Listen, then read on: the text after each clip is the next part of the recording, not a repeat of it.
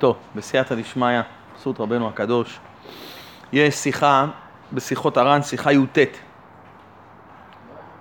רבנו אומר שם, נחשפתי מאוד להמשיך את העולם אל העשייה. שיהיה חיוב אצל כל אחד ואחד ללמוד כך וכך בכל יום ויום ולא יעבור. כשהרבנו אמר את השיחה הזאת, הוא דיבר על גודל מעלת התורה הקדושה, על הכוח שלה הגדול. ואז רבי נתן שאל אותו, אמר לו, ואם אדם הוא בעל עבירה? בעל עבירה ממש, אדם נפל לשאול תחתיות, אדם השם ישמור ויציל, אין עבירה שהוא לא עשה. אמר לו רבי נתן, ואם אדם הוא כזה בעל עבירה גדול? ואז רבנו השיב לו, וכי אתה יודע גודל מעלת התורה הקדושה? הלא עסק התורה גדול במעלה משמירת הברית. כי ברית ביסוד והורייתא בתפארת. רבנו בא ואומר לו, אתה יודע מה זה כוח התורה? כמה כוח התורה הוא חזק? ואז אמר רבנו, שאפילו אותם האנשים הרחוקים מן הקדושה מאוד, אפילו אדם מאוד מאוד רחוק מהקדושה, אדם נפל איפה שהוא נפל, אדם נמצא איפה שהוא נמצא, אדם רוצה לחזור בתשובה, אדם בגיל 40, בגיל 50, עבר על אין סוף מה כריתות ומיתות בדין, עבר על אין סוף על כל העבירות, אין עבירה שהוא לא עשה בעולם. אומר רבנו, אפילו אותם האנשים הרחוקים מן הקדושה מאוד, שנלכדו במצודה רעה, עד שרגילים בעבירות חס ושלום רחמנא ליצלן, אף על פי כן הכוח של התורה גדול כל כך, עד שיכולה להוציא אותם מן העבירות שרגילים בהם חס ושלום. התורה יש לה כוח גדול. התורה היא בתפארת, או הייתה בתפארת. התורה, רבנו אומר, יש לה כוח אדיר, כוח גדול מאוד. ואם יעשו להם חוק קבוע וחיוב חזק, זה הנקודה. ואם יעשו להם חוק קבוע וחיוב חזק, ללמוד בכל יום ויום כך וכך יהיה איך שיהיה. אני כל יום לומד תורה. אין יום שאני לא לומד תורה, אין דבר כזה. נכון, אני עובד, אני בעל הבית, אני עובד שבע, שמונה שעות, תשע שעות, עשר שעות, כמה שבעולם קצב. אבל אין דבר כזה. אני חייב כל יום את השעה, שעה וחצי, שעתיים.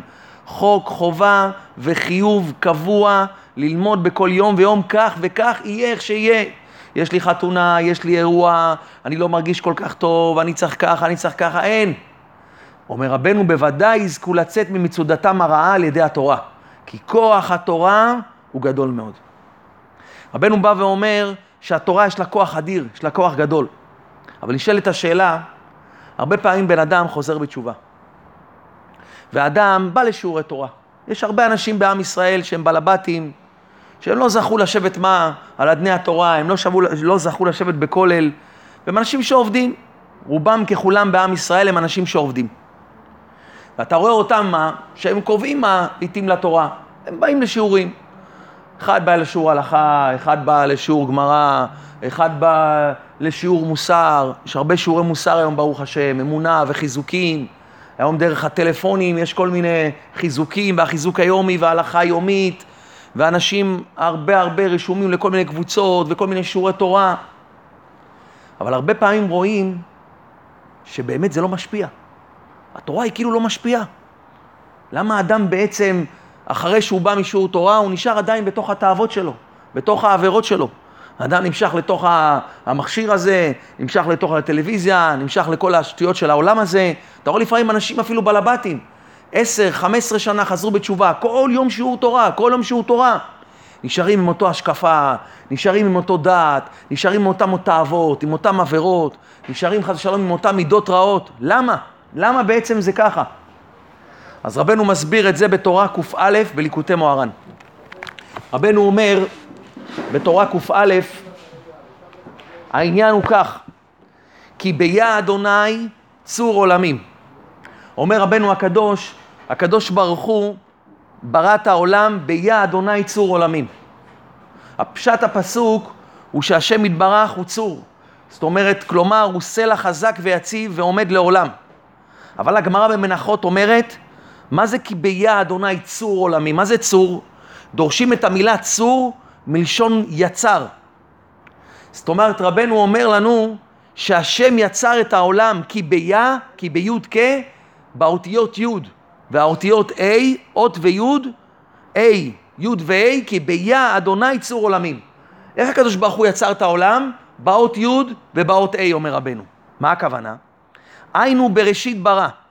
כתוב בתורה בפסוק הראשון, בראשית ברא אלוהים את השמיים ואת הארץ. זה המילים שפותחות את התורה. מה, מה זה הכוונה בראשית? האות ב' היא מתפרשת במובן, במובן של באמצעות, בראשית. באמצעות ראשית. בראשית ברא, באמצעות ראשית, הקדוש ברוך הוא ברא את העולם. מה זה ראשית? אז רש"י גם כותב את זה, וזה גם מופיע במדרש, כי בתורה שנקרא ראשית ברא עולמים. המדרש מביא שבנוהג שבעולם מלך בשר ודם שבונה לו מה? פלטין, בונה לו ארמון, הוא לא בונה אותו מדעת עצמו. מה הוא עושה? הוא לוקח אומן. הוא לוקח מישהו שמה? שמומחה בזה. גם האומן לא בונה אותו מדעת עצמו, אלא מה הוא עושה?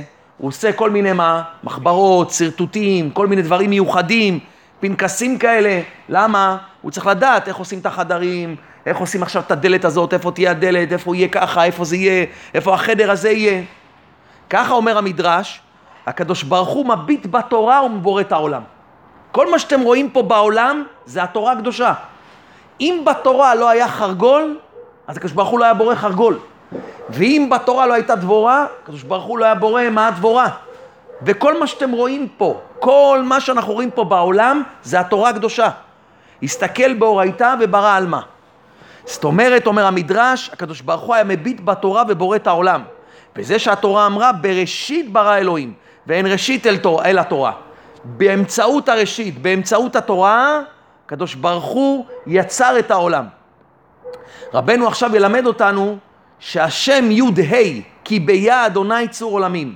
באותיות י"ה, שמה זה י"ה? זה מציין את התורה, באמצעותה ברא השם את כל הנבראים, באמצעות י' ו-A, האותיות י'-A. מה הכוונה?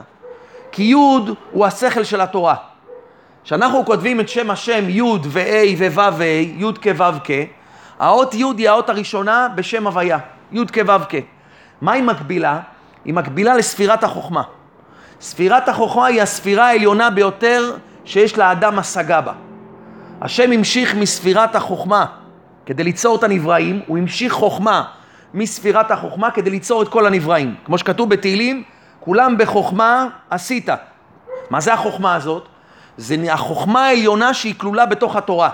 זאת אומרת, התוכנית האדריכלית שבה השתמש הקדוש ברוך הוא ליצור את כל העולמות, זה החוכמה הזאת, זה ספירת החוכמה שהיא כלולה בתוך התורה. בכללות, עשר הספירות הן מתחילות באיזה, באיזה, באיזה ספרה? בספירת הכתר. אבל ספירת הכתר היא בעצם מייצגת את הדבר שהוא מעבר להשגת בן אנוש. לכן כשאנחנו מקשרים את עשר הספירות לבריאה, הרבה פעמים תראו את ספירת הכתר, היא לא נמצאת. מה מוחלף איתה? ספירת הדעת. אנחנו מדברים במקום שאנחנו יכולים לאחוז בו. כתר זה מקום שאנחנו לא יכולים לאחוז בו. מאיפה אני יכול לאחוז? באיזה ספירה? מספירת החוכמה. לכן החוכמה היא הספירה הראשונה. היא הראשונה שיש לנו אפשרות לדבר עליה. אז הקדוש ברוך הוא ברא את העולם על ידי ספירת החוכמה, שהחוכמה העליונה היא כלולה בתוך התורה, כי י' הוא השכל של התורה, וה', כי בי' ה', מה זה ה'? ה' הוא אותיות של התורה, שהיא חמישה חומשי תורה. האות ה' בגימטריה זה חמש, לכן היא מסמלת את מה? את חמישה חומשי תורה. כל התורה עשויה ממה? מאותיות א' ב'. אז למה זה דווקא חמש? כי יש לנו חמש מוצאות הפה. מה הכוונה? אותיות האלף-בית מתחלקות לחמש מחלקות. חמש מוצאות על פי איברי הפה שאנחנו משתמשים להגות כל מיני מילים. ואני אתן לכם דוגמה. יש לנו אותיות שהן גרוניות. מה זה אותיות גרוניות? א', ח', ה', ע'. זה אותיות שבאות מהגרון. יש אותיות שהן באות ממה? מהחך, גיחק. ג', ג', המאחך, י', כ' וק'. יש אותיות שהן לשוניות, מהלשון, דקלנת, ד', ט', ל', נ', ת'. יש אותיות שבאות מהשיניים, ז', ס', ש', ר' וצדיק. ויש לנו אותיות שבאות מהשפה, הן שפתיות, בומף, ב', ו', מ', פ', אתה משתמש במה? בשפה. לכן יש לנו חמש מוצאות הפה. חמש מחלקות שעל ידם אנחנו מברים, מה? אנחנו על ידי זה מדברים, איברי הפה משתמשים בהם. לכן האות A זה ה', י' A, י' זה השכל של התורה, ו-A זה אותיות של התורה, שזה חמש מוצאות הפה. זאת אומרת, חמש בגימטריה מסמלת את חמש מוצאות הפה. דהיינו כל אותיות האלף-בית. לכן אומר רבנו, הקדוש ברוך הוא והיינו ביה אדוני צור עולמים. היינו בתורה שהיא בחינת י' וה', י' זה השכל של התורה, A זה החמש מוצאות הפה שאנחנו, זה אותיות האלף-בית שאנחנו מדברים, בזה בתורה שהיא בחינת י' וה' ברא את כל העולמים. זאת אומרת, התורה היא התוכנית האדריכלית של הבריאה. הקדוש ברוך הוא הסתכל בתורה וברא עולם. הוא לא הסתכל, אמר עולם, אה בוא נברא תורה בתוך העולם. לא, הוא הסתכל בתורה, הסתכל בתורה. מה צריך בשביל התורה? בשביל התורה צריך תפילין. אה, אם צריך תפילין, צריך אור של בהמה. אה, צריך בהמה. כל המצוות שיש, כל התורה שיש, כל העולם הזה בנוי בגלל מה? בגלל שצריך את זה בתוך התורה. אז זה התוכנית האדריכלית של התורה. חוכמת התורה והאותיות שלה נמצאים בכל הנבראים. כולם פה נמצא וטבוע בהם חוכמת התורה ואותיותיה. ממשיך רבנו ואומר, לאחר שרבנו הסביר לנו בעצם את התפקיד של התורה בבריאת העולם, עכשיו רבנו יסביר לנו את הכוח וההשפעה של התורה בעולם. רבנו מתחיל ומסביר מה ההבדל בין מי שמקבל את התורה, שזה אנחנו, שאנחנו נקראים אדם, לבין עובדי אלילים ואנשים שלא מקבלים תורה, שזה אפילו אנחנו עצמנו, שאנחנו יכולים להיות יהודים שלא מקבלים את התורה, זה בחינת מה? שלא נקראים אדם. וכתיב, אדם אתם, ודרשו רבותינו ז"ל בגמרא במסכת יבמות, אתם קרואים אדם ואין אקום קרואים אדם. אתם נקראים אדם, אבל אקום לא נקראים אדם. יש ארבע מילים נרדפות, יש אדם, איש, גבר ואנוש. הגמרא מלמדת שהמילה אדם היא מתייחסת בפרט לעם ישראל. למה אנחנו נקראים אדם? אז אומר רבנו ככה, כי יש עין אנפין נהירין ויש עין אנפין חשוכים, יש שבעים פנים מאירות ויש שבעים פנים חשוכות. חז"ל מלמדים שמה? שלתורה יש מה? יש שבעים פנים. רבנו מקשר את השבעים פנים של התורה לשבעים נפשות של בית יעקב שירדו למצרים. שם הם נעשו למה? לאומה שלמה. התיקוני זוהר מביא שקדושתם של השבעים פנים של התורה, בתורה יש שבעים פנים מהירות. מה הן עושות? הקדושה של שבעים פנים של התורה היא מגינה על נשמות ישראל מהרע שבשבעים אומות. הרי שבנו את מגדל בבל, לאחר שהם בנו את מגדל בבל, מה השם הקדוש ברוך הוא עשה? הקדוש ברוך הוא החליט להעניש את האומות, ואמר אבה נרדה ונבלה שם שפתם אשר לא ישמעו היא שפת רעהו. מה אמר? אני מבלבל להם את השפות. בעקבות זה, לכל אומה הייתה מה? שפה משלה. מכל השבעים לשון האלה התאוו כל השפות והניבים שבעולם. רבנו מביא בליקוטי מוהר"ן בתורה י"ט, רבנו מביא שבתוך השפה והדיבור של כל אומה טבועה המידה הרעה המיוחדת של אותה אומה. יש אומה שהיא של כעס, בלשון שלה טבוע כעס.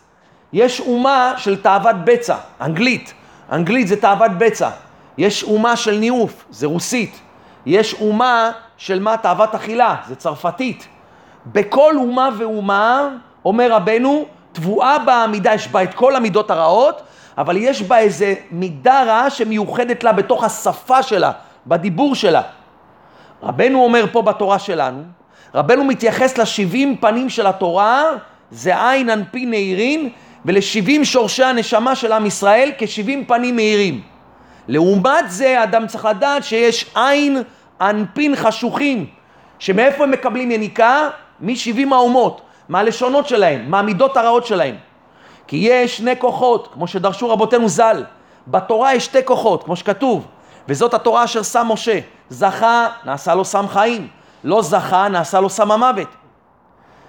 יש איזה קושי, איזה שאלה, הרי אם חוכמת התורה ואותיותיה, אמרנו, היא חדורה בכל הנבראים, התורה היא חדורה בכל הנבראים, בפנים המאירים, וגם בפנים החשוכים, יש גם משאבים אנפין חשוכים.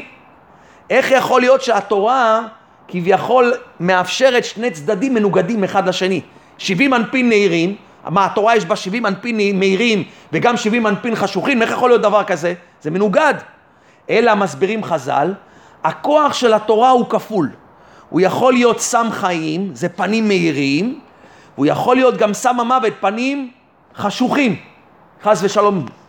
שזה שנאמר, סם חיים, הוא אנפין נהירים, לא זכה, סם המוות, זה אנפין חשוכים, כמו שכתוב במחשקים מושיבני עם קמטי עולם.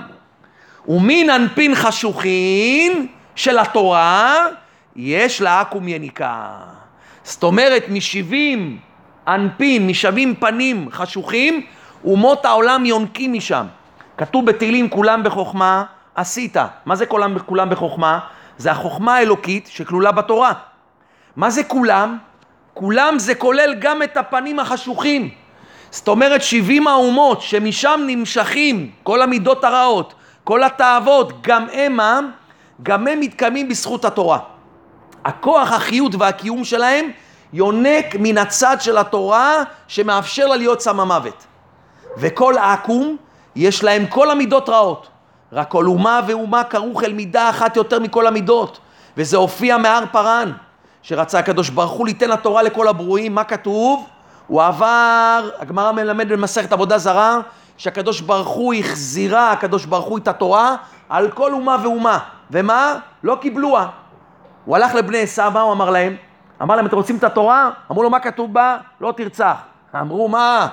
כל, ה, כל העצמיות שלנו זה רצח. כתוב, הידיים ידי עשיו ועל חרבך תחיה. איך אנחנו נקבל תורה? הלך אצל מי? אצל בני עמון ומואב. מה אמר להם? מקבלים אתם את התורה? אמרו לו, מה כתוב בה? אמרו לו, תשמע, כתוב, אמר להם, תשמע, כתוב לא תנף. איך יכול להיות? כל העצמיות שלנו זה ניאוף. כתוב, ותערנה שתי בנות לוט מאביהן, עמון ומואב. הלך אצל בני ישמעאל. אמר להם, אתם מקבלים את התורה? אמרו לו, מה כתוב בה? אמר, לא תגנוב. אמר, איך? כל עצמם, כל עצמיות שלנו זה ליסטים, שנאמר אצל ישמעאל, והוא יהיה פרא אדם. זאת אומרת, כל עכו"ם יש בו מידות רעות, יש בו תאוות רעות. וכל מי שיש בו מידות רעות, למה רבנו מספר לנו את זה? כי למה גם לנו יש את זה. וכל מי שיש לו מידות רעות, הוא נכנע תחת אותם העכו"ם, שהם כרוכים ומקושרים לאותם המידות הרעות. זאת אומרת, אני, אדם, שאני הולך אחרי תאוות ליבי, אני נופל בתאוות, אני נופל במידות רעות, אני נכנע תחת 70 אומות העולם. למה? משום שאני משתוקק למידה הרעה המסוימת של אותה אומה, אומר רבנו, משעה שאדם נלכד בתוך המידה הרעה הזאת, היא נעשית חלק מן האישיות שלו. וזה מה שכתוב במשנה במסכת אבות. כל הפורק ממנו עול תורה, נותנים עליו עול מלכות ועול דרך ארץ. מה הכוונה? היינו שעיבוד בגשמיות, שזה בחינת עול מלכות, וגם דרך ארציות. מה הכוונה? דהיינו המידות הרעות של העכו"ם. זה בחינת עול דרך ארץ. אדם שלא לומד תורה, אדם שלא יושב, וכמו שרבנו אמר, עושה לעצמו חוק יום, יום, יום, יום ללמוד תורה, ועוד מעט אנחנו נראה מה הכוונה ללמוד תורה, זה נקרא שהוא פורק ממנו עול תורה, הוא לא רוצה את השבעים פנים המהירות שיש בתורה, מתגברים עליו השבעים פנים חשוכים. מה זה שבעים פנים חשוכים? זה המידות הרעות של העכו"ם, זה התאוות שלהם, שזה נקרא עול מלכות ועול דרך ארץ. כשאדם מקבל על עצמו עול תורה, התורה נעשית סם חיים עבורו, הוא זוכה לממשלה על הגשמיות שלו, הוא זוכה להתגבר על המגבלות החומריות שלו, של העולם הזה גם. החוכמת התורה, הפנים המאירים שלה, הוא מתקשר לתורה, היא חודרת בו, כל חלקי ההוויה שלה, הוא חווה אלוקות בכל דבר, זה התורה הקדושה.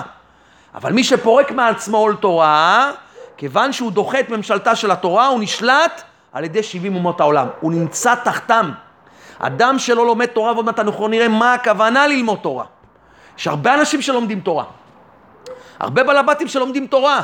הרבה אנשים כל יום חוזרים מהעבודה, הולכים לשיעור תורה. והם נשארים עדיין תחת 70 פנים חשוכות. למה אומר רבנו? תקשיבו טוב. אבל כל המקבל עליו עול תורה מעבירים ממנו עול מלכות ועול דרך ארץ. היינו מי שלומד בעיון, שמעיין ומבין חוכמות התורה. זה הנקודה. הרבה פעמים בני אדם חוזרים בתשובה, עשר, חמש עשרה שנה הוא הולך לשיעור תורה, אבל איזה שיעור תורה? הוא יושב בשיעור תורה, דרשה של הרב, נותן שיעור הלכה.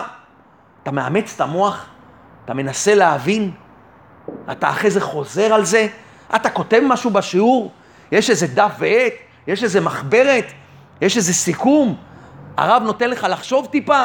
חצי מהשיעור אתה רדום, חצי מהשיעור בקושי הבנת. זה אדם שלומד תורה, אשריך, קבעת עיתים לתורה. אבל תדע לך, נשמה טובה, אתה תישאר בשבעים אנפין חשוכים.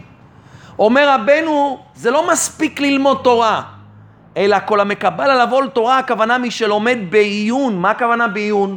לא מבקשים לך נשמה עכשיו לפתוח טור בית יוסף ושולחן ערוך ותתחיל ראשונים ואחרונים. אתה בן אדם בעל הבית, אתה עובד. מה מבקשים ממך אבל? להתאמץ. אדם צריך לחפש שיעור תורה שהוא מתאמץ בו. לא שהרב דורש והוא יושב והוא לא מוציא מילה מהפה. עוד מעט אנחנו נראה את העץ הרע של הדור הזה. היום בדור הזה נהיה מה? הכל סרטונים. אתה שולח לבן אדם סרטון, זה החיזוק היומי, זה מה שהוא לומד כל היום. הוא כל היום לומד מוסר, כל היום אמונה. יום ראשון, שיעור במה? בליקוטי מוהר"ן. יום שני, שיעור בתניא. יום שלישי, יש לו חיזוקים. יום רביעי, עוד מוסר. יום חמישי, לא... מתי אתה לומד תורה? מתי אתה לומד משנה? מתי אתה חושב? מתי אתה מה? מתי אתה בא וכותב? מתי אתה מבין איזה משנה? מתי הסבירו לך איזה משנה? מתי כתבת באיזה חוברת? כמו כיתה א', כמו כיתה ב'. אדם רגיל היום, ותדעו לכם, זה טוב. לא שזה לא טוב הסרטונים האלה. זה לא שזה לא טוב החיזוקים האלה. אבל נהיה המצב בדור שזה החיות שלך. איך אמר לי מישהו? אמר לי, אתה לא, אתה לא יודע כמה אתה צודק. אני 15 שנה מחיזוק לחיזוק. זה, זה התורה שלי. כל היום אני בחיזוקים. שולחים לי שיעור על מה? על אמונה, חיזוק. הרב הזה נותן שיעור בחיזוק חמש דקות, זה שלוש דקות, זה ארבע דקות. נשמה טובה, זה מצוין, זה אולי מחזיק אותך שלא תטבע עמוק עמוק. אבל לצאת משבעים אנפין חשוכים אתה לא תצא לעולם. אם לא תשב ותלמד בעיון, מה הכוונה עיון לפי הכוחות שלך? שמישהו יסביר לך משנה פעם אחת, ואתה תכתוב את המשנה, תלמד מסרת תענית, מסרת ברכות. מתי סיימת מסרת מה? איזה מסכת, איזה משנה אחת בהבנה. מה, אתה לא מבין? בטח שאתה מבין. בוא תראה בעבודה איך אתה יודע כל מיני דברים. היום שיעור תורה נהיה של בלבטים, הרב בא, נותן איזה דרשה, מספרים כמה סיפורים, שואלים כמה שאלות, כל אחד מספר מה קרה לו בעבודה, מה קרה לו שם, אבל מתי אתה מאמץ את המוח?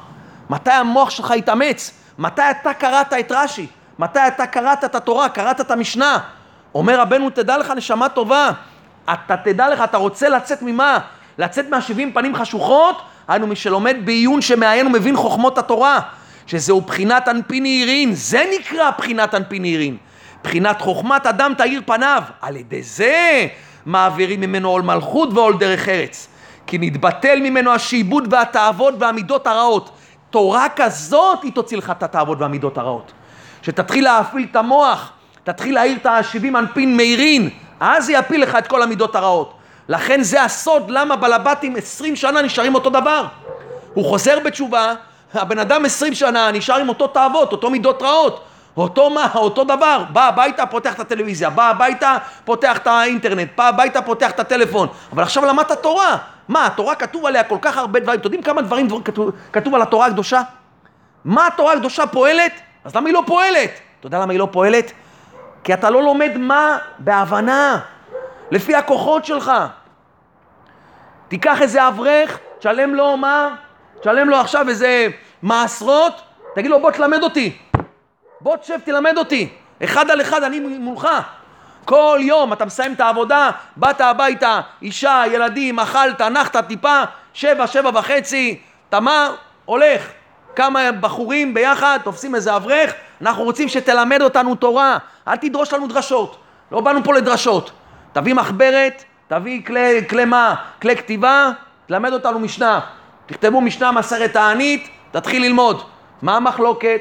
רבי אליעזר, רבי יהושע, תכתבו, תסכמו, הוא ישאל אתכם שאלות, תענו לו תשובות, הוא יבחן אתכם על המשנה הזאת, תתחיל להפעיל את המוח, אתה תקרא לבד, תתחיל להבין, אתה תראה איך אתה תתחבר לתורה, אתה פתאום תקבל חשק לתורה, תקבל אהבה לתורה, תקבל צמאון לתורה, התורה פתאום יהיה לך, זה נקרא דת, דת זה חיבור לתורה, זה מה שמוציא אומר רבנו, זה מה שיוציא אותך מהתאוות הרעות, כי נתבטל ממנו השיבוד והתאוות והמידות רעות שלהם. שהם פרחינת אנפין חשוכין, על ידי שקיבל עליו עול תורה, זה עול תורה. עול תורה זה לא לבוא לשיעור תורה ולשמוע איזה מה, מישהו שדורש לי.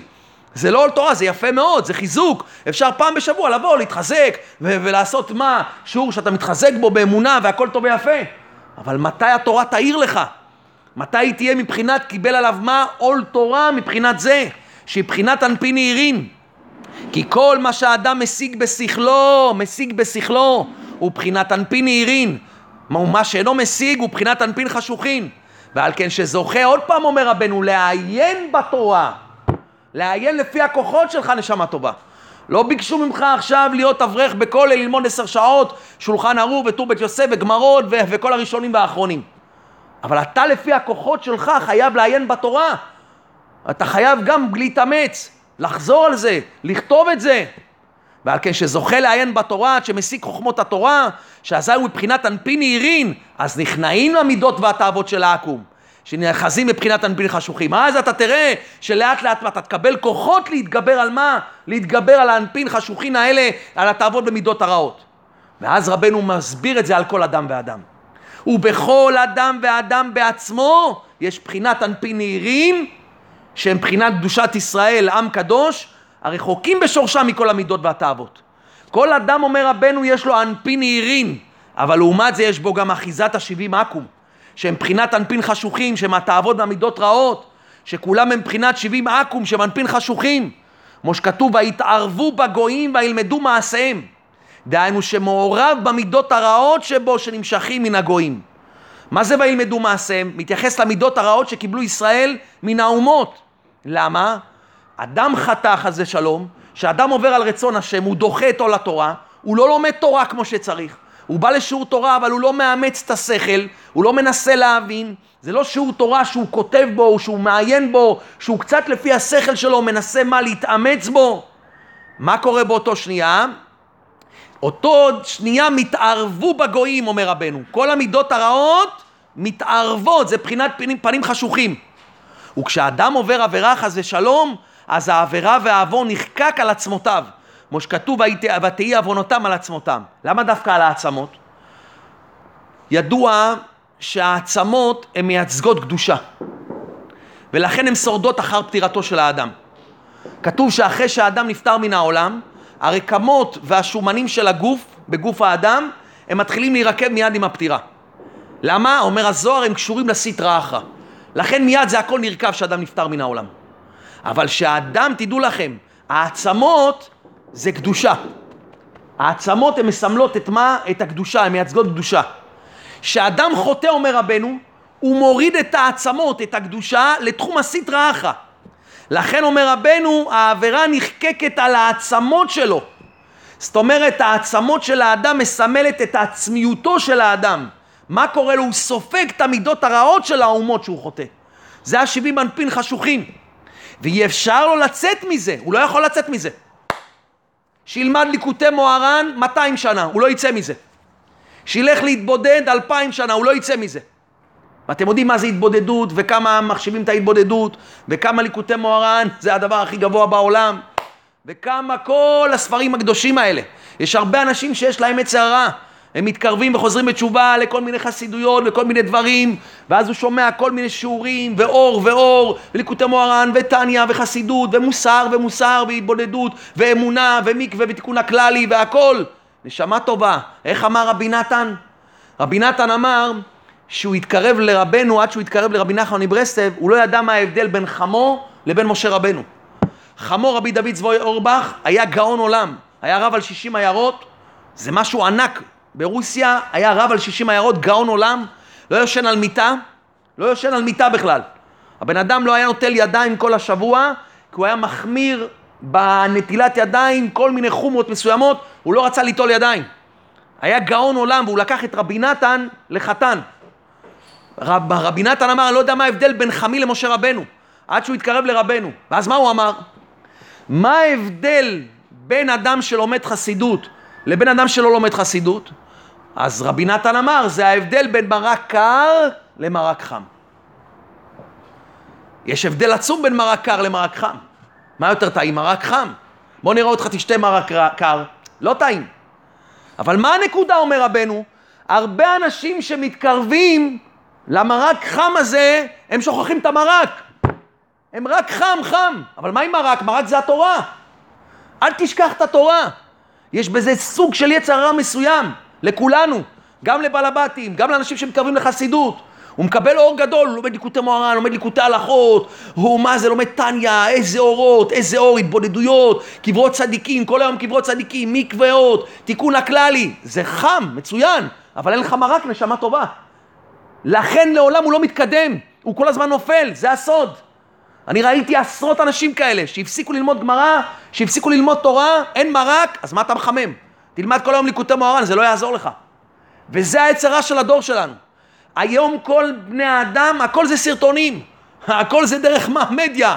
הוא כל היום לא לומד תורה. מה הוא עושה כל היום? כל היום חיזוקים. כל היום הוא שומע חמש דקות פה, עשר דקות הרב ההוא, עשר דקות הרב ההוא, זה הכל אמונה, נכון, זה דבר מצוין, זה אין כמו זה, זה מה שמחמם את המרק, אבל נשמה טובה, אתה צריך למרק, אתה צריך שיהיה לך איזה מרק מסוים. אם לא יהיה מרק, הוא לא יתחמם לעולם.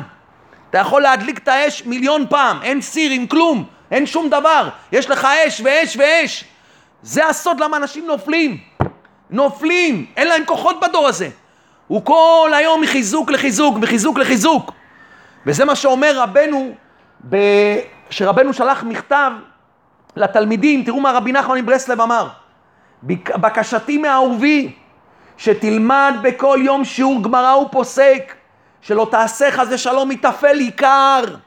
רבי נחמן מברסלב, שלא תעשה חס ושלום מתאפל עיקר, כל יום תלמד שיעור גמרא ופוסק, זה המרק.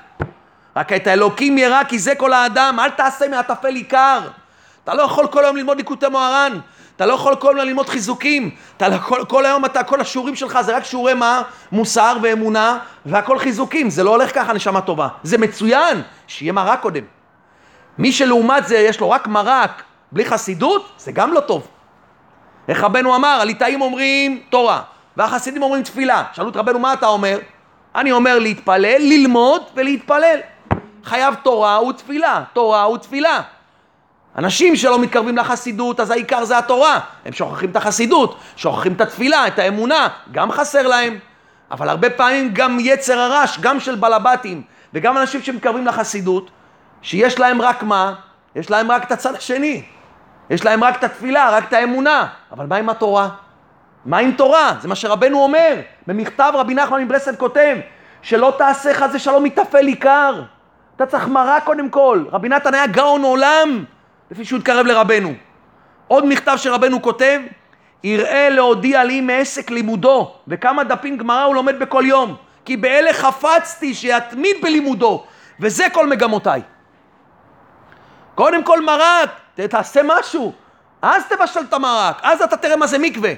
תלמד תורה חזק, תבוא לשיעור, תלמד, תכניס את המוח כמה שאתה יכול, משנה, הלכה, כמה שאתה יכול, עוד אנחנו נראה את זה. עכשיו תלך למקווה, זה תורה אחרת, אתה צודק. עכשיו תגיד תיקון הכללי, אתה עכשיו תלך להתבודד, עכשיו תבוא בערב, תלמד ליקוטי מוהר"ן, אחרי שלמדת שעה וחצי משנה וגמרא, תפתח עכשיו ליקוטי מוהר"ן, זה ליקוטי מוהר"ן אחרים, האחרים לגמרי. שאלתי אחד מגדולי ברסלב, אני זוכר ששאלתי אותו, אמרתי לו, כבוד הרב, הוא הוציא גם ספר על ליקוטי מוהר"ן, אמרתי לו, רבנו, תוציא עוד, תוציא עוד, כאילו, תעסוק יותר בליקוטי מוהר"ן, תוציא לנו שאנחנו נדע, אנחנו נוכל, אנחנו, אתה לא יודע כמה אנחנו מקבלים מזה. אתם יודעים מה הוא אמר לי?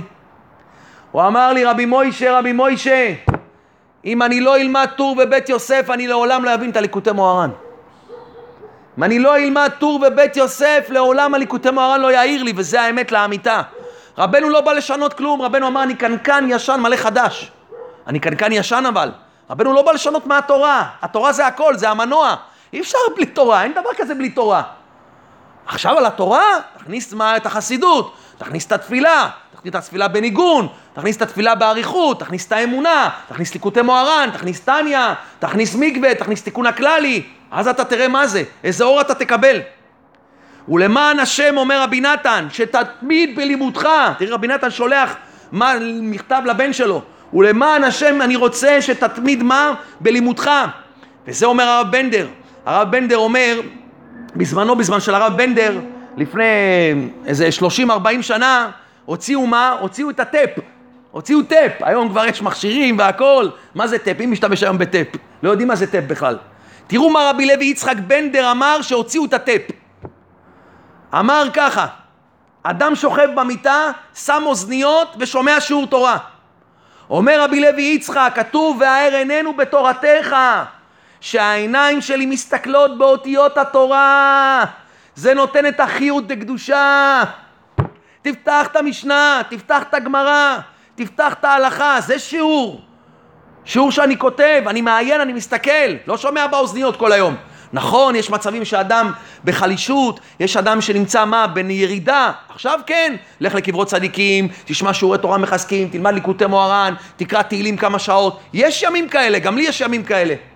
אבל רבנו מדבר פה מה? על הרגילות, על ה-70-80 אחוז שלך. אתה לא יכול כל היום ללכת לקברות צדיקים. אני לומד אביי ורבא בגמרא, אני יותר מקורב אליך. תלך לרשב"י מיליון פעם. אני לומד את תורת רשב"י, אני לומד בגמרא על רבי שמעון בר יוחאי, אני יותר מקורב ממך. למדת גמרא חזק? למדת משנה חזק? עכשיו סל הרשב"י. פעם בחודש סל הרשב"י. כל התורה שלמדת, לך לצדיק, הצדיק יעשה מזה מטעמים. אומר רבי לוי יצחק, שהעיניים שלי מסתכלות באותיות התורה, חייב להסתכל, אנשים יושבים ככה בשיעור. איפה ספר? איפה תקרא אתה? איפה תאמץ את המוח? שם זה אותיות התורה, זה העיניים שלך מתקדשות, זה נותן את החיות לקדושה, זה מפיל את השבעים אנפין חשוכים. בימינו נהיה סיפור חדש עם הטפ, זה הרב בנדר אומר. היום נהיה סיפור עם כל הוואטסאפים וכל הטלפונים האלה. שאנשים לומדים הכל עם מחשב, לומדים הכל עם מה? לשמוע באוזניות. אין בזה שום חיות לקדושה. זה מונע מהרבה אנשים לפתוח את הגמרא. מה אני צריך עוד גמרא? יש לי מה? הכל בטלפון. הרי זה, תראו מה הרב בנדר אומר, זה פגם נורא. מונים יהודים מלהביט באותיות התורה. הלא אדם פגם בעין, פגמת בעיניים, איך תתקן את זה? צריך שהעיניים שלו יראו את אותיות התורה. תפתח את המשנה הקדושה, לא שהרב ילמד אותך. הרב יסביר בהתחלה, אתה תכתוב, תסכם, הוא ישאל אותך שאלות, אחרי זה אתה תקרא מבפנים. תקרא את הברטנורה, יש היום שוטנשטיין, יש משניות קהתי, יש מטיבתא, יש היום אין סוף ספרים שמפרשים את התורה. אף בן אדם לא יכול להגיד אני לא יכול ללמוד. היום ברוך השם הקדוש ברוך הוא הביא בעולם, מפרשים הכל, אין דבר שלא פירשו, והכל לשפה פשוטה.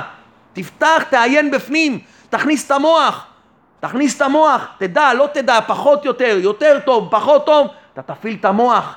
איך רבי נתן אמר, רבנו אמר לרבי נתן? אמר לו, אתה תלמד, איפה שאתה לא מבין, תסמן נקודה. הוא אומר לו, אתה תראה שלאט לאט עם הזמן, הנקודות ירדו. אדם לומד, לומד, עוד משנה, עוד משנה, הוא מתחיל להבין מושגים. פתאום הוא מוצא את זה במשנה אחרת, אומר, אה, למדתי את זה, אני יודע את המושג, אז יורד לו, אותו דבר בהלכה, אותו דבר בגמרא. אם כן צריך שהעיניים שלו יראו את אותיות התורה, תניח את עיניך בתוך אותיות התורה. האדם פגם בדיבורים אסורים, הוא בא לשיעור תורה, כל השיעורי תורה שלו לא מוציא מילה מהפה, הכל הוא שומע מהרב. הרב רק מדבר, הוא צריך שפיו יאמר את דיבורי התורה, אתה תקרא את המשנה, אתה תסביר את המשנה. היום נהיה עסק לשמוע, אומר הנה, שומעים ושומעים, הכל שמיעה והכל ראייה. הוא מתיישב ליד השולחן, מחזיק איזה סיגריה, איזה משהו, ככה שומע לו איזה שיעור תורה. אומר הרב בנדר, אני אוחז שזה פגם התורה. פגם כבוד התורה. עמל התורה שאני מחויב בו, אני יודע אם אפשר להחשיב לימוד כזה בשם עלמל ולימוד התורה. וזה מה שרבנו אומר. לכן אדם לא יוצא מהאנפין חשוכים, כי הוא לא מעיין בתורה לפי הכוחות שלו. אז הוא נשאר איפה? בתוך האנפין מה? האנפין החשוכים שלו. ואדם אומר, תשמע, למה? למה אני לא יוצא מזה? למה אני לא מצליח לצאת מזה? אני כל כך הרבה זמן קובע עיתים לתורה, לומד. נשמה טובה, אתה קובע עיתים לתורה אבל אתה לא לומד. זה לא לימוד בעיון, זה לא לימוד עם מוח, זה לא יוציא אותך מאנפין חשוכים. רבי נתן, הרי ליקוטי מוהר"ן, מי סידר אותו? רבי נתן. ותורה א' בליקוטי מוהר"ן, מה היא פותחת? דע כי על ידי התורה מתקבלים כל התפילות. זה לא משהו שרבנו אמר לשים אותו ראשון, אלא רבי נתן קבע שהוא יהיה ראשון. אז הרב בנדר מסביר למה. למה רבי נתן שם את התורה הזאת? דע כי על ידי התורה מתקבלים כל התפילות. כי האיש הישראלי צריך להסתכל בשכל של כל דבר, הוא דיבר על שכל, על מוחין.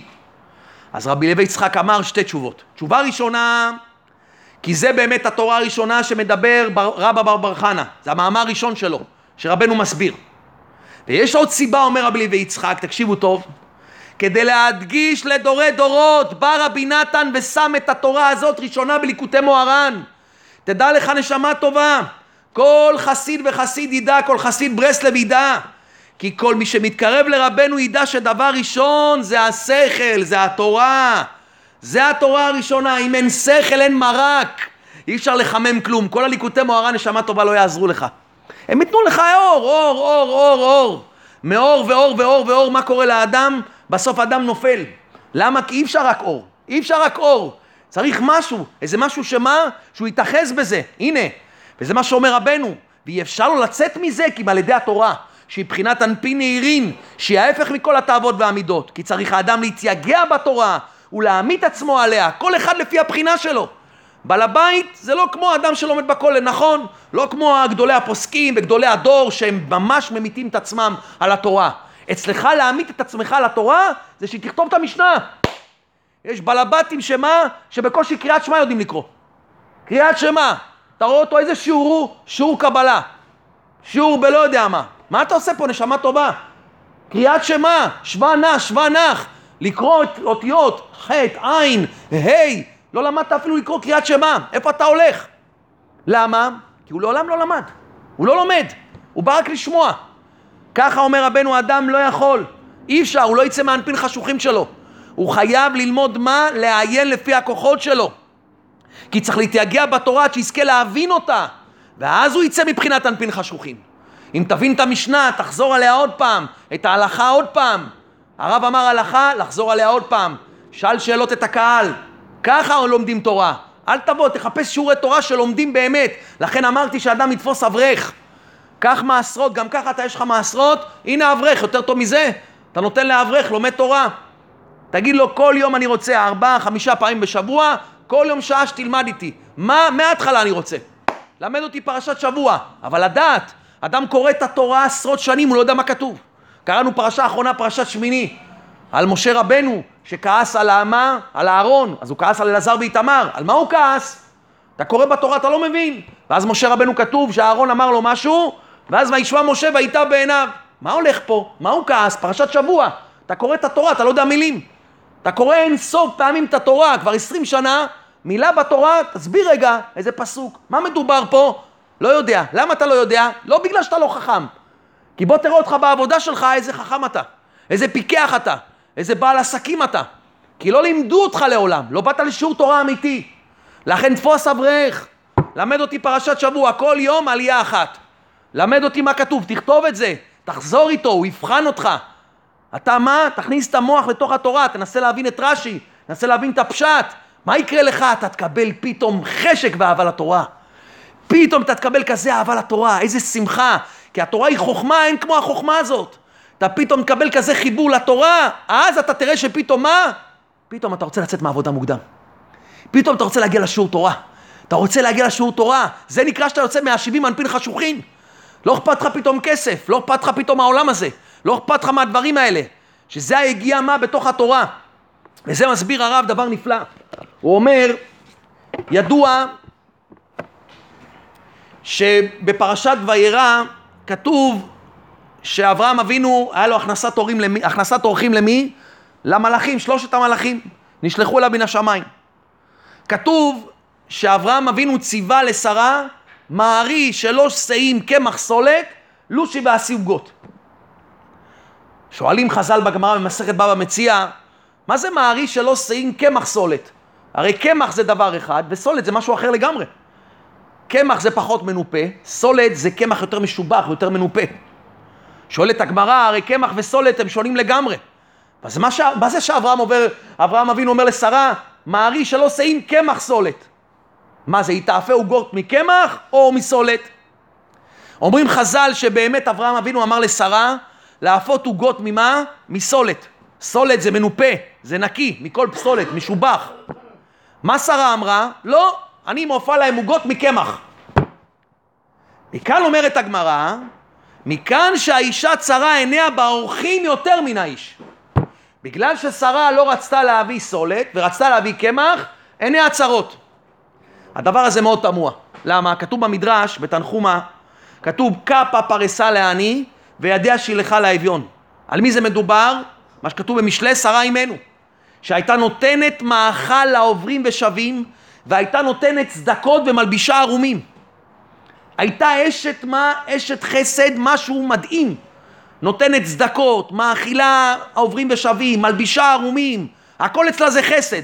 איך יכול להיות שעכשיו, במקום סולת, לא, היא רוצה להביא קמח, היא פתאום מתקמצנת באיזה משהו הכי קטן בעולם. לא יכול להיות, אומר המדרש. אלא תראו איזה ביאור נפלא, איזה עומק יש פה, ואיך זה מתקשר אלינו לעניין שלנו של התורה. הגמרא אומרת במסכת בבא מציאה, שכל פעולה שעשה אברהם אבינו לכבוד המלאכים, הקדוש ברוך הוא נתן לבנים שלו במדבר. אברהם אבינו נתן בשר למלאכים, הקדוש ברוך הוא הוריד לעם ישראל את הסלב. אברהם אבינו נתן למלאכים חמאה וחלב, הוריד הקדוש ברוך הוא לעם ישראל את מה? את המן. אברהם אבינו הושיב את המלאכים תחת העץ, הקדוש ברוך הוא השיב את עם ישראל תחת ענני הכבוד. אברהם אבינו השקע את המלאכים מים, מים, מה אתה נתן לו הקדוש ברוך הוא לעם ישראל? את בעירה של מרים. עכשיו, מה זה הלחם? בא אברהם אבינו נותן לחם למלאכים. מה זכינו לזה? כתוב במשלי לכו לחמו בלחמי. הלחם זה מסמל על התורה. כמו שאדם לא יכול בלי לחם ולא נמאס לו לעולם מלחם, ככה התורה הקדושה. מסבירים חז"ל, בלימוד התורה יש שתי דרכים. או שאדם לומד תורה מלמעלה, הכל הלכות פסוקות, הכל בלי קושיות, הכל בלי עיון, הכל בלי טיפה לאמץ את המוח, או שיש דרך בתורה שאדם מה? מתאמץ. אדם מפעיל את המוח, מפעיל את השכל. אומרים חז"ל שלכתחילה הקדוש ברוך הוא ציווה את משה ללמד לעם ישראל את דרך הלימוד הראשון. אלה המשפטים אשר תשים לפניהם. הכל ערוך לפניהם כמו שולחן. הכל מוכן כמו האדם שמוכן לאדם השולחן, שולחן הערוך. ככה מה? תסדר להם הכל. בא משה רבנו וידע שמה? משה רבנו ידע שיש שבעים אנפין חשוכים. אדם לעולם לא יוכל בלי עמל התורה והגיעה בתורה, הוא לא יוכל לעולם לשבר את הקליפות ומה? להתגבר על התאוות והמידות הרעות שלו. והוא לא יזכה לעולם למתיקות התורה אם הוא ילמד תורה מלמעלה. לכן הקדוש ברוך הוא נתן למשה את הפלפול, ובעצם הוא רצה לבחון אותו. משה רבנו מה עשה, וזו הייתה הבחירה שלו? משה רבנו נתן לעם ישראל את הפלפול. נתן לעם ישראל את היגיעה, כי הוא ידע שצריכים להזדכך. לכן שאלה משה למרום לקבל את התורה, מה אמרו המלאכים? המלאכים סברו, לא, אל תיתן את התורה למטה. למה? שהתורה תרד למטה, היא תתגשם. אז מה יצטרכו לעמול בה, וקושיות, והיא לא תהיה בה ברורה ונקייה? משה רבנו אמר הפוך, התורה תרד למטה, בני האדם יתאמצו בה, יבינו בה, יעיינו בה, ואז על ידי זה מה? יוכלו לזכך את עצמם מכל הקליפות. אז משה רבנו בעצם היה לו מחלוקת עם מלאכי השרת. מלאכי השרת אמרו, לא, אנחנו רוצים הכל מה? נקי, בלי קושיות, בלי מבוכות. הם לא רצו שעם ישראל יזדככו ממה? מהתאוות והמידות הרעות שלהם. משה רבנו היה מה? היה לא צר עין, היה טוב עין, אמר לא, אני חייב להוריד לעם ישראל את התורה, שילמדו מה? בעיון, שיתאמצו עליה. אברהם אבינו סבר כמו מלאכי השרת. לכן מה? שרה אימנו, היא לא אמרה מה? לא, אני סוברת כמו משה רבנו. כתוב על, על שרה אימנו שהייתה נביאה יותר גדולה אפילו מאברהם. לכן מה? לכן זה העניין של קמח וסולת. שהם באו, המלאכים, הם שאלו את מה? את אברהם, היש שרה אשתך? תגיד לי, שרה, כמו מי היא סוברת? ויאמר הנה באוהל. מה זה באוהל? באוהל, וזאת התורה, אדם כי ימות באוהל. אין, דרשו חז"ל, אין דברי תורה מתקיימים אלא מי שממית עצמו עליה. אדם כי ימות באוהל, באוהלה של תורה. היא סוברת שאדם צריך להתייגע בתורה. עכשיו מתורץ מה ששאלנו בהתחלה. איך שרה אימנו הביאה קמח במקום סולת? מה, היא קמצנית? עיני הצרות? לא. אלא באמת שרה אימנו הייתה גומלת חסדים גדולה. אבל היא ידעה שהמלאכים סוברים מה? סוברים שרוצים מה? לא, תביא מה? תביא סולת. אנחנו רוצים מה? שהתורה היא תהיה בלי קושיות, בלי שאדם יתאמץ בה, שלא יצא מהתאוות שלו.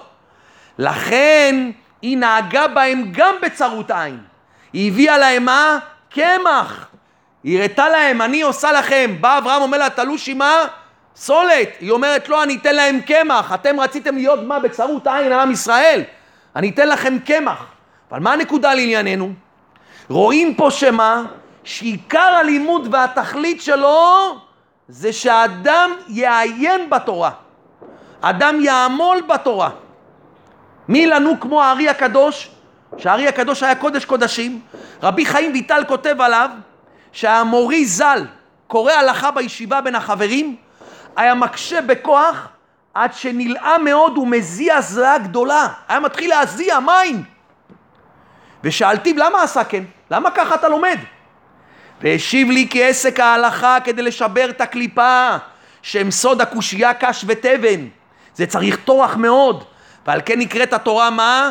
תושייה שמתיש כוחו של אדם לכן ראוי להעמיד עצמו ולשבר כוחו מה? ולהתישו לכן הארי הקדוש מה היה? שהיה לומד תורה היה מזיע, מעיין בו כי רק על ידי זה מה? הקליפה תצא מהאדם וזה מה שאדם צריך לדעת, זה מה שרבנו אומר בליקוטי מוהר"ן. אדם צריך להתחיל לקבל על עצמו שיעור תורה, אבל איזה שיעור תורה? שיעור תורה שלומדים שם, לא שמקשיבים שם. לא כל היום תלך מוואטסאפ לוואטסאפ לוואטסאפ לחיזוק, לחיזוק, לחיזוק, נשמה טובה. זה לא יחזיק מעמד.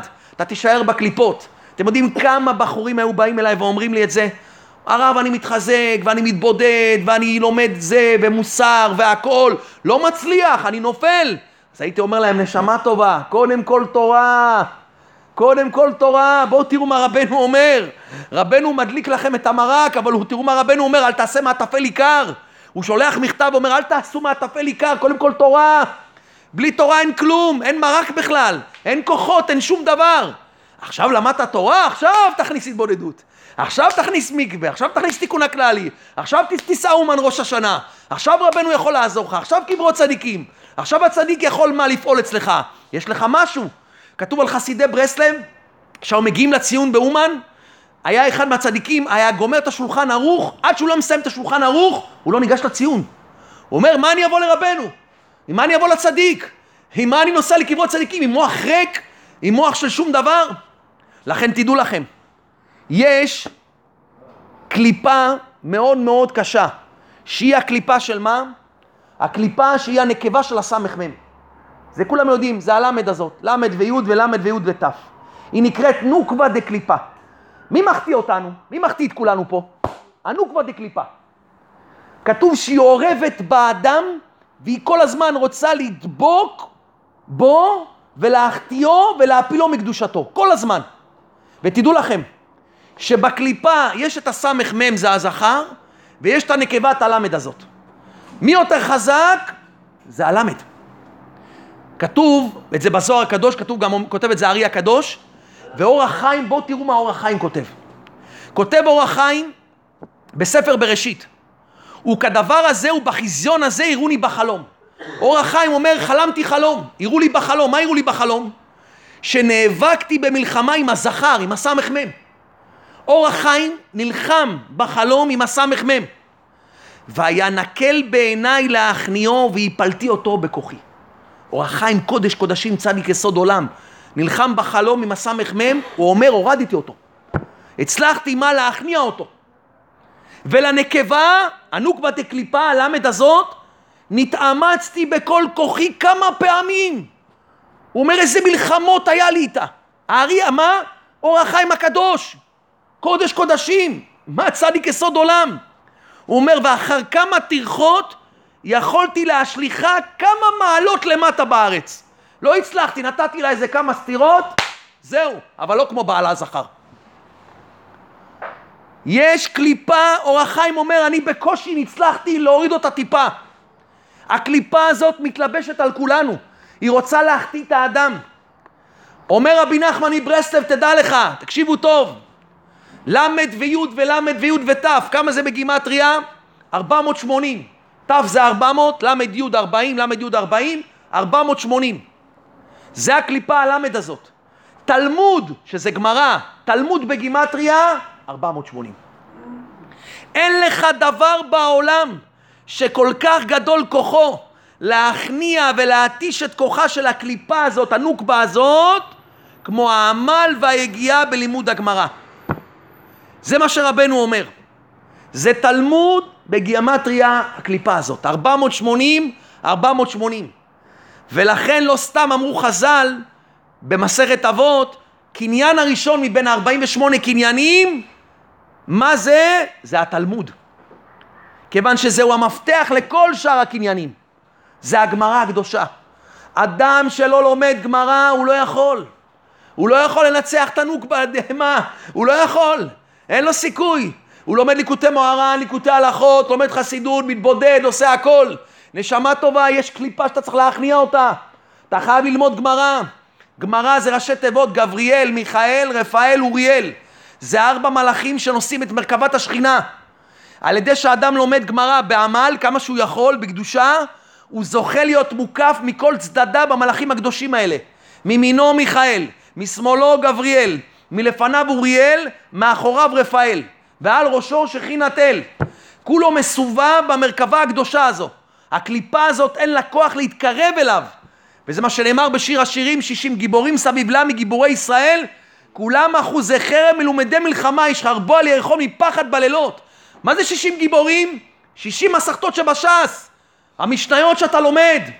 אדם צריך לקבל על עצמו, כל בעל הבית צריך לקבל על עצמו, אני רוצה לסיים את הש"ס משניות, אתה יכול, זה לא שאתה לא יכול, תתחיל ללמוד, תיקח אברך, אתה מביא גבאי, מביא מה, רב לשיעור? נשמה טובה, אל תביא רב שידרש לי דרשות פה. אני רוצה רב שילמד אותנו, שישים לוח, שיקלה כתיבה, יעשה מה? מחברת, תכתוב משנה, תלמד אותה. ייקח לך רבע שעה, עשרים דקות, חצי שעה, עוד משנה, עוד משנה, עוד משנה, חודש, חודשיים, מסכת ברכות נגמרת. מסכת תענית נגמרת, עוד מסכת, עוד מסכת, עוד מסכת, אדם יגמור את הש"ס משניות. אנשים מגיעים לגיל 70 בלבטים, מה עלית בחכה שלך? מה למדת תורה? שום דבר. הכל דרשות, הכל וואטסאפ, הכל חיזוקים. הכל מה? קברות צדיקים. הכל בדיוק הפוך. נשמה טובה בלי עמל התורה אין כלום, אין שום דבר. לא מתחיל כלום גם. וזה מה שאדם צריך לדעת, זה 60 גיבורים סביב לה. זה השישים מסכתות שבש"ס. מסכתות אלו ניצבות סביב האדם כשישים גיבורים. אדם יעלה לשמיים, כל הדפי גמרא שהוא למד, יחסום את הכל. אה, על הגמרא למדת ליקוטי מוהר"ן? וואו. אתה יודע מה ליקוטי מוהר"ן? איזה ליקוטי מוהר"ן אלה? אתה יודע איזה מקווה זה? אתה יודע מה זה מקווה עם גמרא? אתה יודע מה זה התבודדות עם גמרא? אתה יודע איזה אש אתה תהיה? אתה יודע איזה קודש קודשים? אתה יודע איזה הכנעה לקליפה? אתה נותן כוח לרבנו. אתה בא לרבנו לאומן ראש השנה, סיימתי חמש מסכתות, סיימתי גם גמרא, סיימתי הלכה. רבנו אומר, או, זה מה שהתכוונתי. זה מה שרבנו אמר לרבי נתן בהתחלה, מה שקראנו.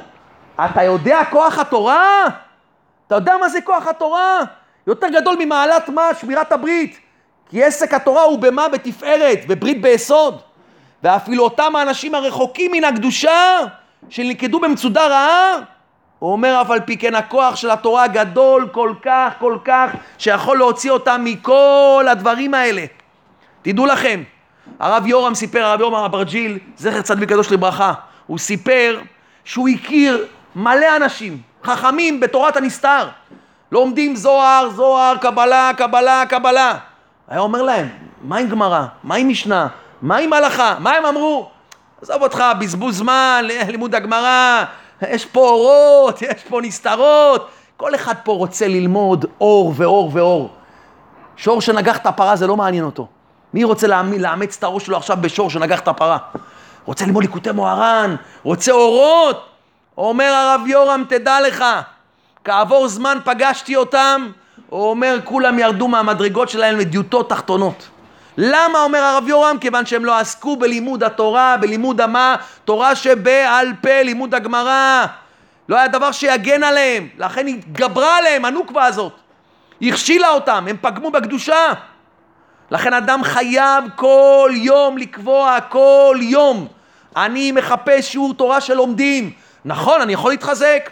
פעם בשבוע, פעמיים בשבוע אני הולך מתחזק, תתבודד, הכל טוב ויפה, אבל חייב מרק. מרק קודם כל, אני חייב מרק. אם לא יהיה לי מרק, מה אני אחמם אותו? עם מה אני אבוא? אני חייב תורה.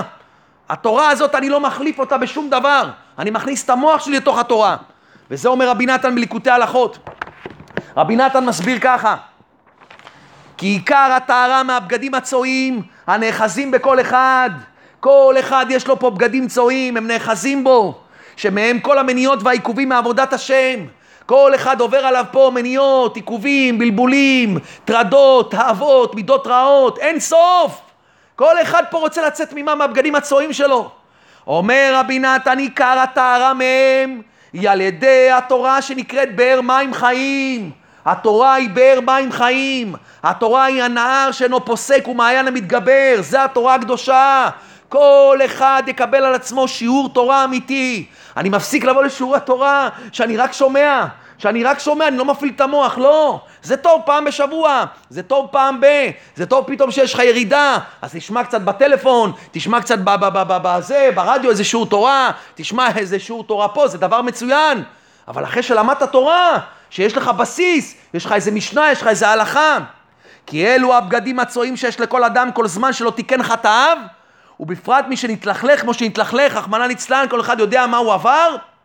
שעל ידי זה מתעוררים ומתגברים עליו המניות והמסקים בכל פעם. זה לא יעזוב אותך לעולם, תדע לך. כל הזמן המניות יתגברו, הבגדים הצועים כל הזמן מה? יתגברו עליך, וישתטחו לפניך, ומפסיקים בינך לבין הקדושה כמו נהר המפסיק ממש. ואלו הבגדים הצועים מבחינת יבן מצולה, טיטה יבן. מה זה טיטה יבן? שבאים מה? נופלים ולא עולים משם. שמשם באים כל הנפילות וההתרחקות של הרבה בני אדם מהשם יתברך. כי אפילו אם מתעורר לפעמים לשוב לשם יתברך, התעוררת, שמעת קצת ליקוטי מוהר"ן, שמעת ליקוטי הלכות, שמעת איזה אור, שמעת איזה שיעור תורה ככה חיזק אותך, בוואטסאפ שלחו לך חיזוק היומי, בסדר, התעוררת, אמרת, אני עובד על כעס. תכף משתטחים כנגדו, אין לך סיכוי. אין לך סיכוי, זה רק אור. זה רק אור, אין כלי. זה רק אור. אדם שרק מה? כל היום רק אור ואור ואור, בלי תורה זה בלי כלי. ככה אומר בעל התניא. אין כלי, אין כלים, אתה רק מוריד אורות.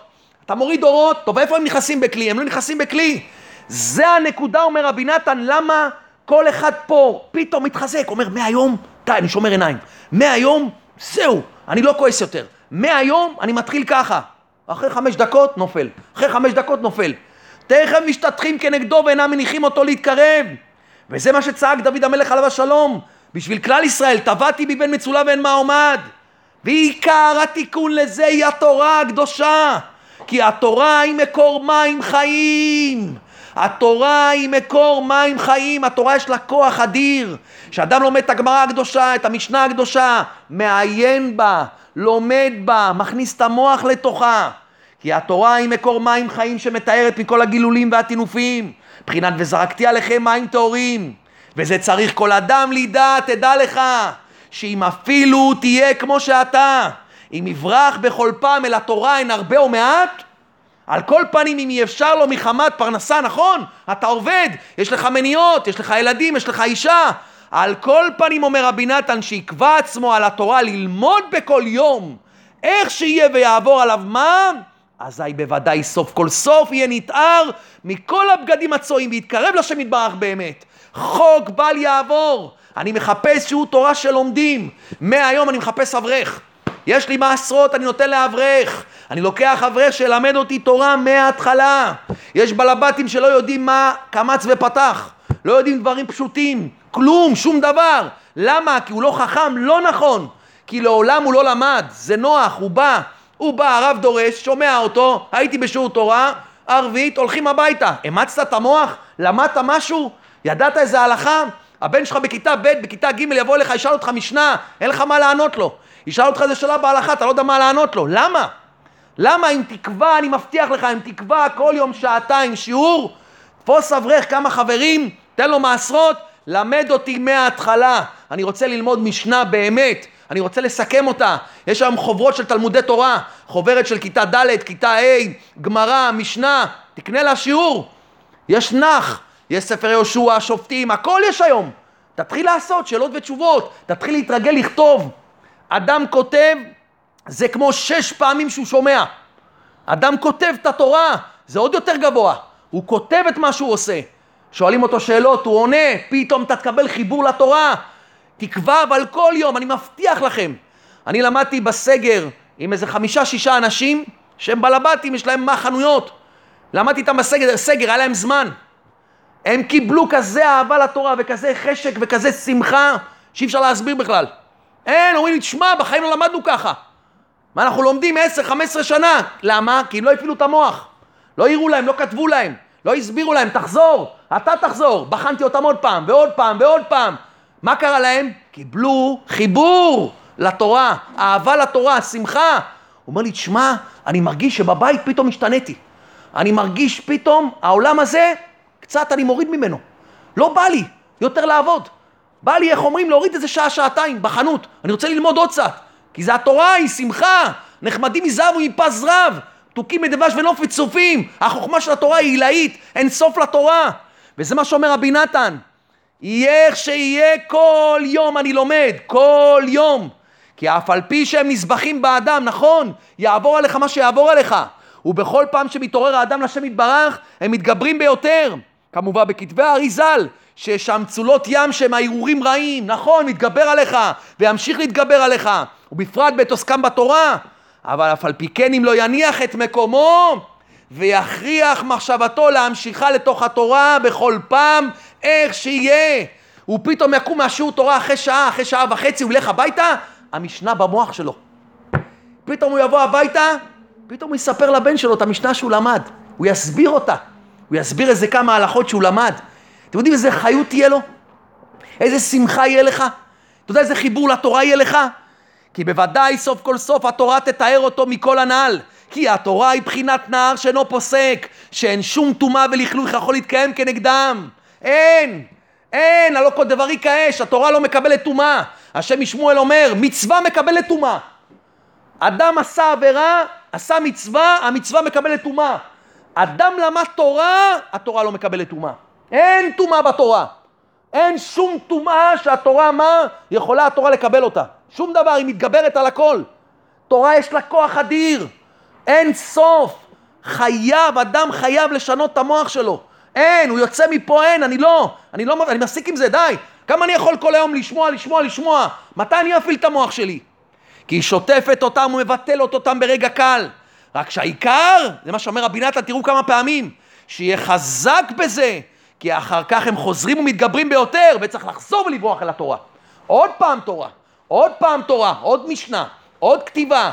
אני מבטיח לך, חודש, חודשיים, שלוש, אתה פתאום תקבל חשק לתורה. אני אומר לך, בסוף אתה תלמד חצי יום, תעבוד חצי יום. ככה אתה תקבל כזאת חשק לתורה. אתה תראה שהתורה תמתן אותך, התורה תיתן לך כוחות. אתה פתאום, העולם הזה, פתאום אתה פחות כועס. כי למדת תורה, התורה, תורה זה כמו תיבת נוח, זה כמו כזה התנתקות מהעולם. וזה בחינת קבעת עיתים לתורה, קבעת דייקה.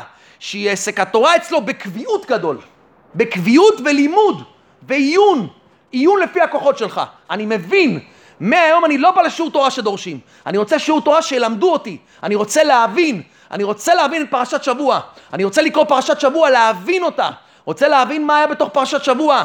להבין מה מדברים פה. מה שאל משה, מה אהרון אמר, מה זה קורבנות, מה זה מנחה, בית המקדש, מה נמצא בבית המקדש, איפה השולחן, איפה המנורה, מה יש בקודש הקודשים, כמה היה השולחן, כמה היה המנורה, איפה היה, מה היה, לא יודע כלום, עשרים שנה, כי כל הזמן הוא בא לשיעור תורה שמרצים לו, ומרצים לו.